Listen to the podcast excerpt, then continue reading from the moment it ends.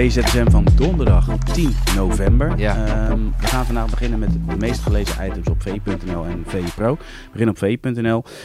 Remco Pasveer na afloop van Ajax Vitesse. Duel dat eindigt in 2-2. Ehm, Ja. Die vat het probleem van Ajax in één woord samen en dat is restverdediging. Ja, ik snap het wel vanuit zijn perspectief. Eh, het was natuurlijk wel vrij bizar hoe, eh, hoe makkelijk eh, Vitesse kon counteren in bepaalde situaties. Hè? Hoe ontzettend veel ruimte er lag. Over gebeurde, ruimte, 60 meter kon Ja. hoeven overbruggen. het gebeurde niet één keer, niet twee keer, maar gewoon echt eh, vier, vijf keer. Ehm, ik moet wel zeggen, ik vond Pasveer er zelf niet goed uitzien bij, eh, bij de tegengoals. Ehm, eerste, eerste goal, hè, Manhoef speelt op een gegeven moment die bal echt ver voor zich uit. Ik denk van, nou, kan hij daar uitkomen? Nou, ik kies ervoor om te blijven staan. Ja. Nou, vervolgens is die hoek wel dusdanig moeilijk eh, voor Manhoef dat je denkt van, nou, als keeper hè, mag je daar wel een antwoord op hebben. Tweede goal staat hij denk ik te ver naar binnen eh, bij het herpositioneren. Hè, dat hij te veel richting de Ja. eerste paal loopt.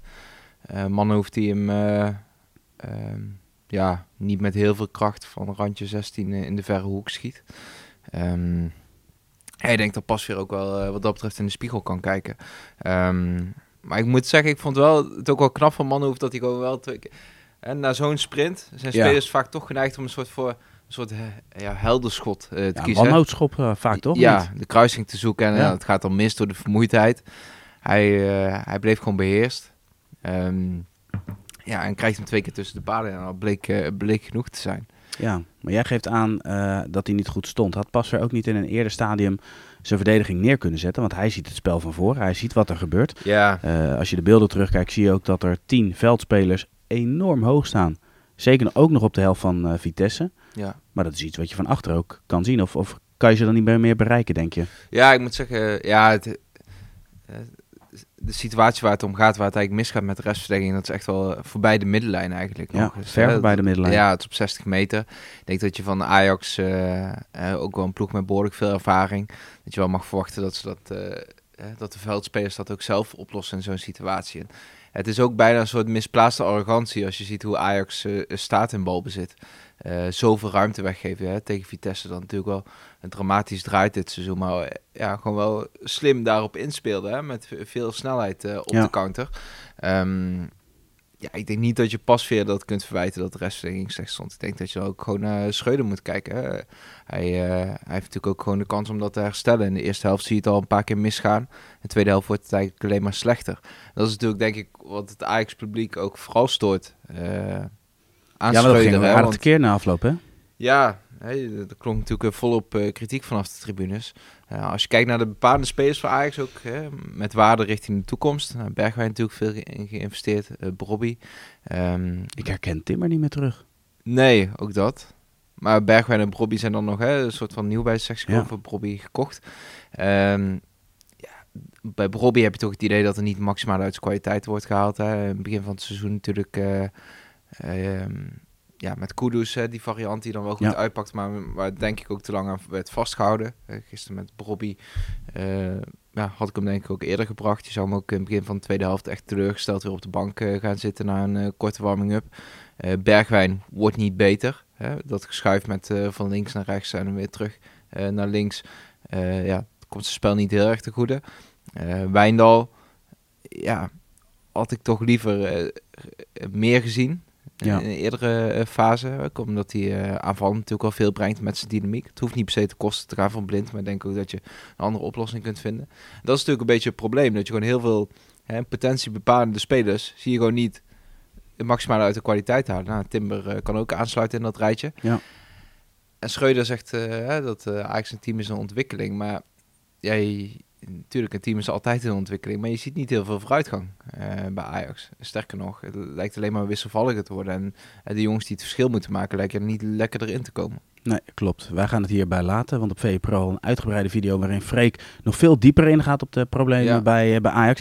Wij gaan door naar het meest gelezen item op VPRO. Dat is een analyse van eh, Sam Planting. Sowieso de stukken van Sam eh, met betrekking tot de analyse zijn een aanrader om te lezen. Zeker. Deze was ook weer mooi om te lezen, want het ging in ieder geval om het feit dat Xavi om is. Ja. En dat er weer een speciale rol is voor Frenkie de Jong. Ja. Sam zei een soort levenswijsheid. Af en toe moet je een stap terug doen om, eh, om vooruit te gaan. Oh jeetje. Nou, denk daar maar eens even over na. Ja. Nou ja, dat is wel met, eh, wat met Frenkie de Jong gebeurd is. Hè? Eh, het was natuurlijk pijnlijk om Frenkie de Jong als soort nummer 10 te zien spelen bij Barcelona een hele tijd. Hè? Het was natuurlijk ook in een periode onder Koeman. En dat er aanvallend eigenlijk te weinig opties waren. En dat ja, uit een soort nood uh, Frenkie de Jong naar voren werd geschoven. Ja. In het 16 meter gebied, ja, daar, daar ja, ligt zijn, liggen zijn bijzondere kwaliteiten niet. Eh, hij is natuurlijk op zijn best als hij het spel voor zich heeft. Als hij vanuit daar keuzes kan gaan maken. Hè. Dus of met eh, diepte zoeken met de Ja. paas, zoals met, eh, bij die goal gebeurt. Met Zo. de assist op Rafinha, heerlijke bal. Of met een dribbel natuurlijk. En dat is wat Xavi nu eigenlijk wel weer gecreëerd heeft voor hem. Ja. De, de veldbezetting is eigenlijk zo dat hij links eh, zich kan laten uitzakken aan de zijde van eh, Busquets. Af en toe zelfs tot, uh, Ja, tot bij de laten zakken, want hij, hij start er niet. Hè? Hij start wat hoger, maar hij kan Ja. uiteindelijk kan hij naast Busquets eindigen en zelfs nog lager uitkomen. Want dat zie je eigenlijk terug. Meer passes, meer dribbles en hij is weer zijn favoriete zones. Ja, dus eigenlijk hè, door juist verder terug uit te spelen, is hij aanvallend weer meer van waarde. Ja. Hè, omdat hij meer het spel voor zich heeft in plaats van dat hij tussen de linies aangespeeld wordt. Hè, tussen eh, verdediging en middenveld van tegenstander. Met een man in zijn rug vaak. Daar heeft hij gewoon moeite. Hè. Daar, eh, ja, in die zones zijn Pedri en Gavi natuurlijk veel vaardiger. Ja. Eh, alleen Frenkie de Jong met zijn inzicht, in combinatie met zijn dribbel die hij heeft, en met spel voor zich. Hè, ja. Denk maar aan je eigen voetbalcarrière terug. Ik weet niet welke positie je speelde. Nou, daar moet het niet over hebben hoor. Nee, maar het is natuurlijk makkelijker spelen als, als de tegenstander, als je het allemaal voor je hebt, het spel. Ehm, het lastigste is natuurlijk om, om die keuzes te maken eigenlijk als nummer 10. Hè? Als, als tegenstanders van alle kanten komen, als er overal om je heen beweging Ja, is. dat, dat ben ik deels met je eens. Want je hebt natuurlijk wel de positie die Frenkie de Jong inneemt. Het gaat erom welke keuzes maak je vervolgens. Als jij de voor de hand liggende keuzes maakt, ja, dan is het inderdaad makkelijker. Maar als jij de keuzes maakt die Frenkie de Jong bij maakt, dus of enorm in te dribbelen en, en daar een overtal mee te creëren op middenveld, of Ja, echte passes tussen de linies, ook naar de centrale mensen, dus vaak naar de spits, naar de nummer 10, ja. dan is het lastiger. Datzelfde geldt natuurlijk voor Busquets. ja. Als je de standaard oplossingen neemt, dat je de, de back in speelt of de bal terugspeelt, dat is makkelijker. Maar Klopt, kies je voor alleen, oplossingen van hen? In die zone van het veld is vaak de situatie toch wel wat overzichtelijker. Want eh, kijk maar terug, hoe vaak wordt Frenkie de Jong zeg maar, van achter onder druk gezet door een, eh, door een spits die dan eh, mee verdedigt. Het gebeurt niet vaak. Hè. Eh, Tegenstanders zakken ook vaak wel terug eh, tegen Barcelona. Ja, alleen die slager van Bilbao doet dat, hè? Ja. Ja. Raúl Garcia bedoel Ja. Nou, ik zag hem van... het- eh, welke wedstrijd was het nou? Volgens mij was dat deze week nog. Nou, hij op een gegeven moment... Uit tegen Girona, vorige week vrijdag, denk ik. Toen, eh, op een gegeven moment zie je hem ook... Hè, de bal eh, re- rechts bij de zijkant en je ziet hem daar eh, een beetje op die teampositie. Nou, stormt hij de 16 in en kleunt er weer één om. Ja. Echt, ja, als tegenstander word je daar echt eh, doodmoe van, denk ik. Want het zijn ook allemaal zo'n nutteloze overtredingen. Maar je, ja, je krijgt klap na klap van hem. En je ziet ze aankomen, hè? Ja, ja. En het is Ja. echt vermoorde onschuld. Ja, Siert de Vos noemt hem eh, de gemeenste speler van Spanje. En die titel lijkt me Meer dan eh, terecht. meer dan terecht, ja. Zelfs die eens- jongens van Getafe lijken echt lievertjes in vergelijking met Raúl Garcia. Houd het vast, houd het vast. We gaan nog even terug naar Frenkie de Jong. want we hebben nu specifiek over zijn rol. Maar als je nou kijkt waar hij vandaan komt, maakt dat niet eigenlijk de, de comeback des te knapper. Hij moest weg. Hele campagnes om hem weg te krijgen. Manchester United, noemt het allemaal op. Hij blijft. Ja, Vervolgens is hij wisselspeler.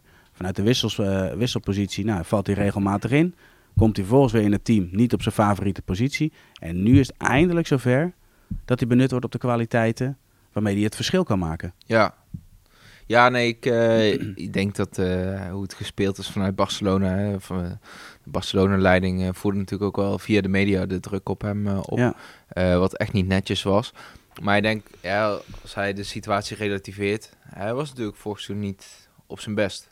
Zo eerlijk moet je zijn. Hij had niet Ja, zoveel impact zeker. als van hem verwacht mocht, mocht worden. Nou, Barcelona zat in de situatie waarin ze het team eigenlijk wilden verversen. Ehm, vooral aanvallend meer kwaliteit wilden. Eh, maar tegelijkertijd hè, financieel natuurlijk krap zaten. Nou, Frenkie de Jong was een van de spelers aan wie nog veel verdiend kon worden. En die niet direct een gigantische impact op de elftal had op, op dat moment. Dus eh, het was denk ik wel logisch dat hij eh, dan een van de spelers was die in de etalage geschoven werd. Van oké, als er een mooi bod komt, dan, dan werken we daaraan mee. En ja, het is wel knap hoe hij zich terugknokt heeft. Alleen ja, ik denk zeker bij die Spaanse topclubs. Ehm, die Nederlandse jongens hè, toen bij Real Madrid, Snijder, Van der Vaart, Ja. Robben.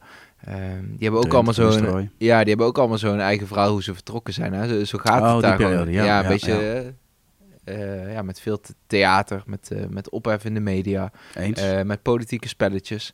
Ehm, ja, welkom in Spanje, zou ik ja, maar het zegt wel iets over de mentale weerbaarheid van Frenkie de Jong. Absoluut, ja. Dus eh, mooi, gaan we naar het laatste onderdeel. Want eh, ook in het buitenland werd er gevoetbald. En jij bent natuurlijk eh, bij uitstek de kenner samen met Suleiman Usturk van het buitenlandse voetbal. We gaan het hebben over de wedstrijd tussen, Manchester City en Chelsea. ja. En dan met name de rol van Ziyech. City wint weliswaar met 2-0. Maar ik was vooral blij met ja, die flarden die Ziyech liet zien. Ja, ik, ik eigenlijk ook wel. Ehm, zeker bij die, eh, bij die ene voorzet. Nou, het was denk ik bedoeld als een voorzet, maar die richting de tweede paal slingerde. Hè, waar Ortega nog eh, ja. zijn hand tegenaan moest zetten. Ja, Zo'n indraaiende bal, dat is natuurlijk wel echt eh, ja, een bijzonder wapen van Ziyech. En had dan assist moeten hebben. Die bal van Pulisic moet erin. ja, in zijn beste periode strooide hij met dat soort Ja. bases. Had gisteren natuurlijk wel de pech, en dat, dat is een beetje de tragiek van Ziyech op dit moment. Want als hij een kans krijgt, dan is- ja, is het eigenlijk in een, ja, een soort B-team. Hè. Gisteren natuurlijk ook dan. Als hij van rechts speelt, hè, Broja speelde als spits. Ja. Eh, linker vleugelverdediger was Hall, een 18-jarig eh, talent. Goeie speler. Goede speler wel. Alleen ja, als hij dan in stelling wordt gebracht door Ziyech, is de kans op het doelpunt wel minder groot dan eh, dat je die bal aan Sterling eh, Ja. geeft.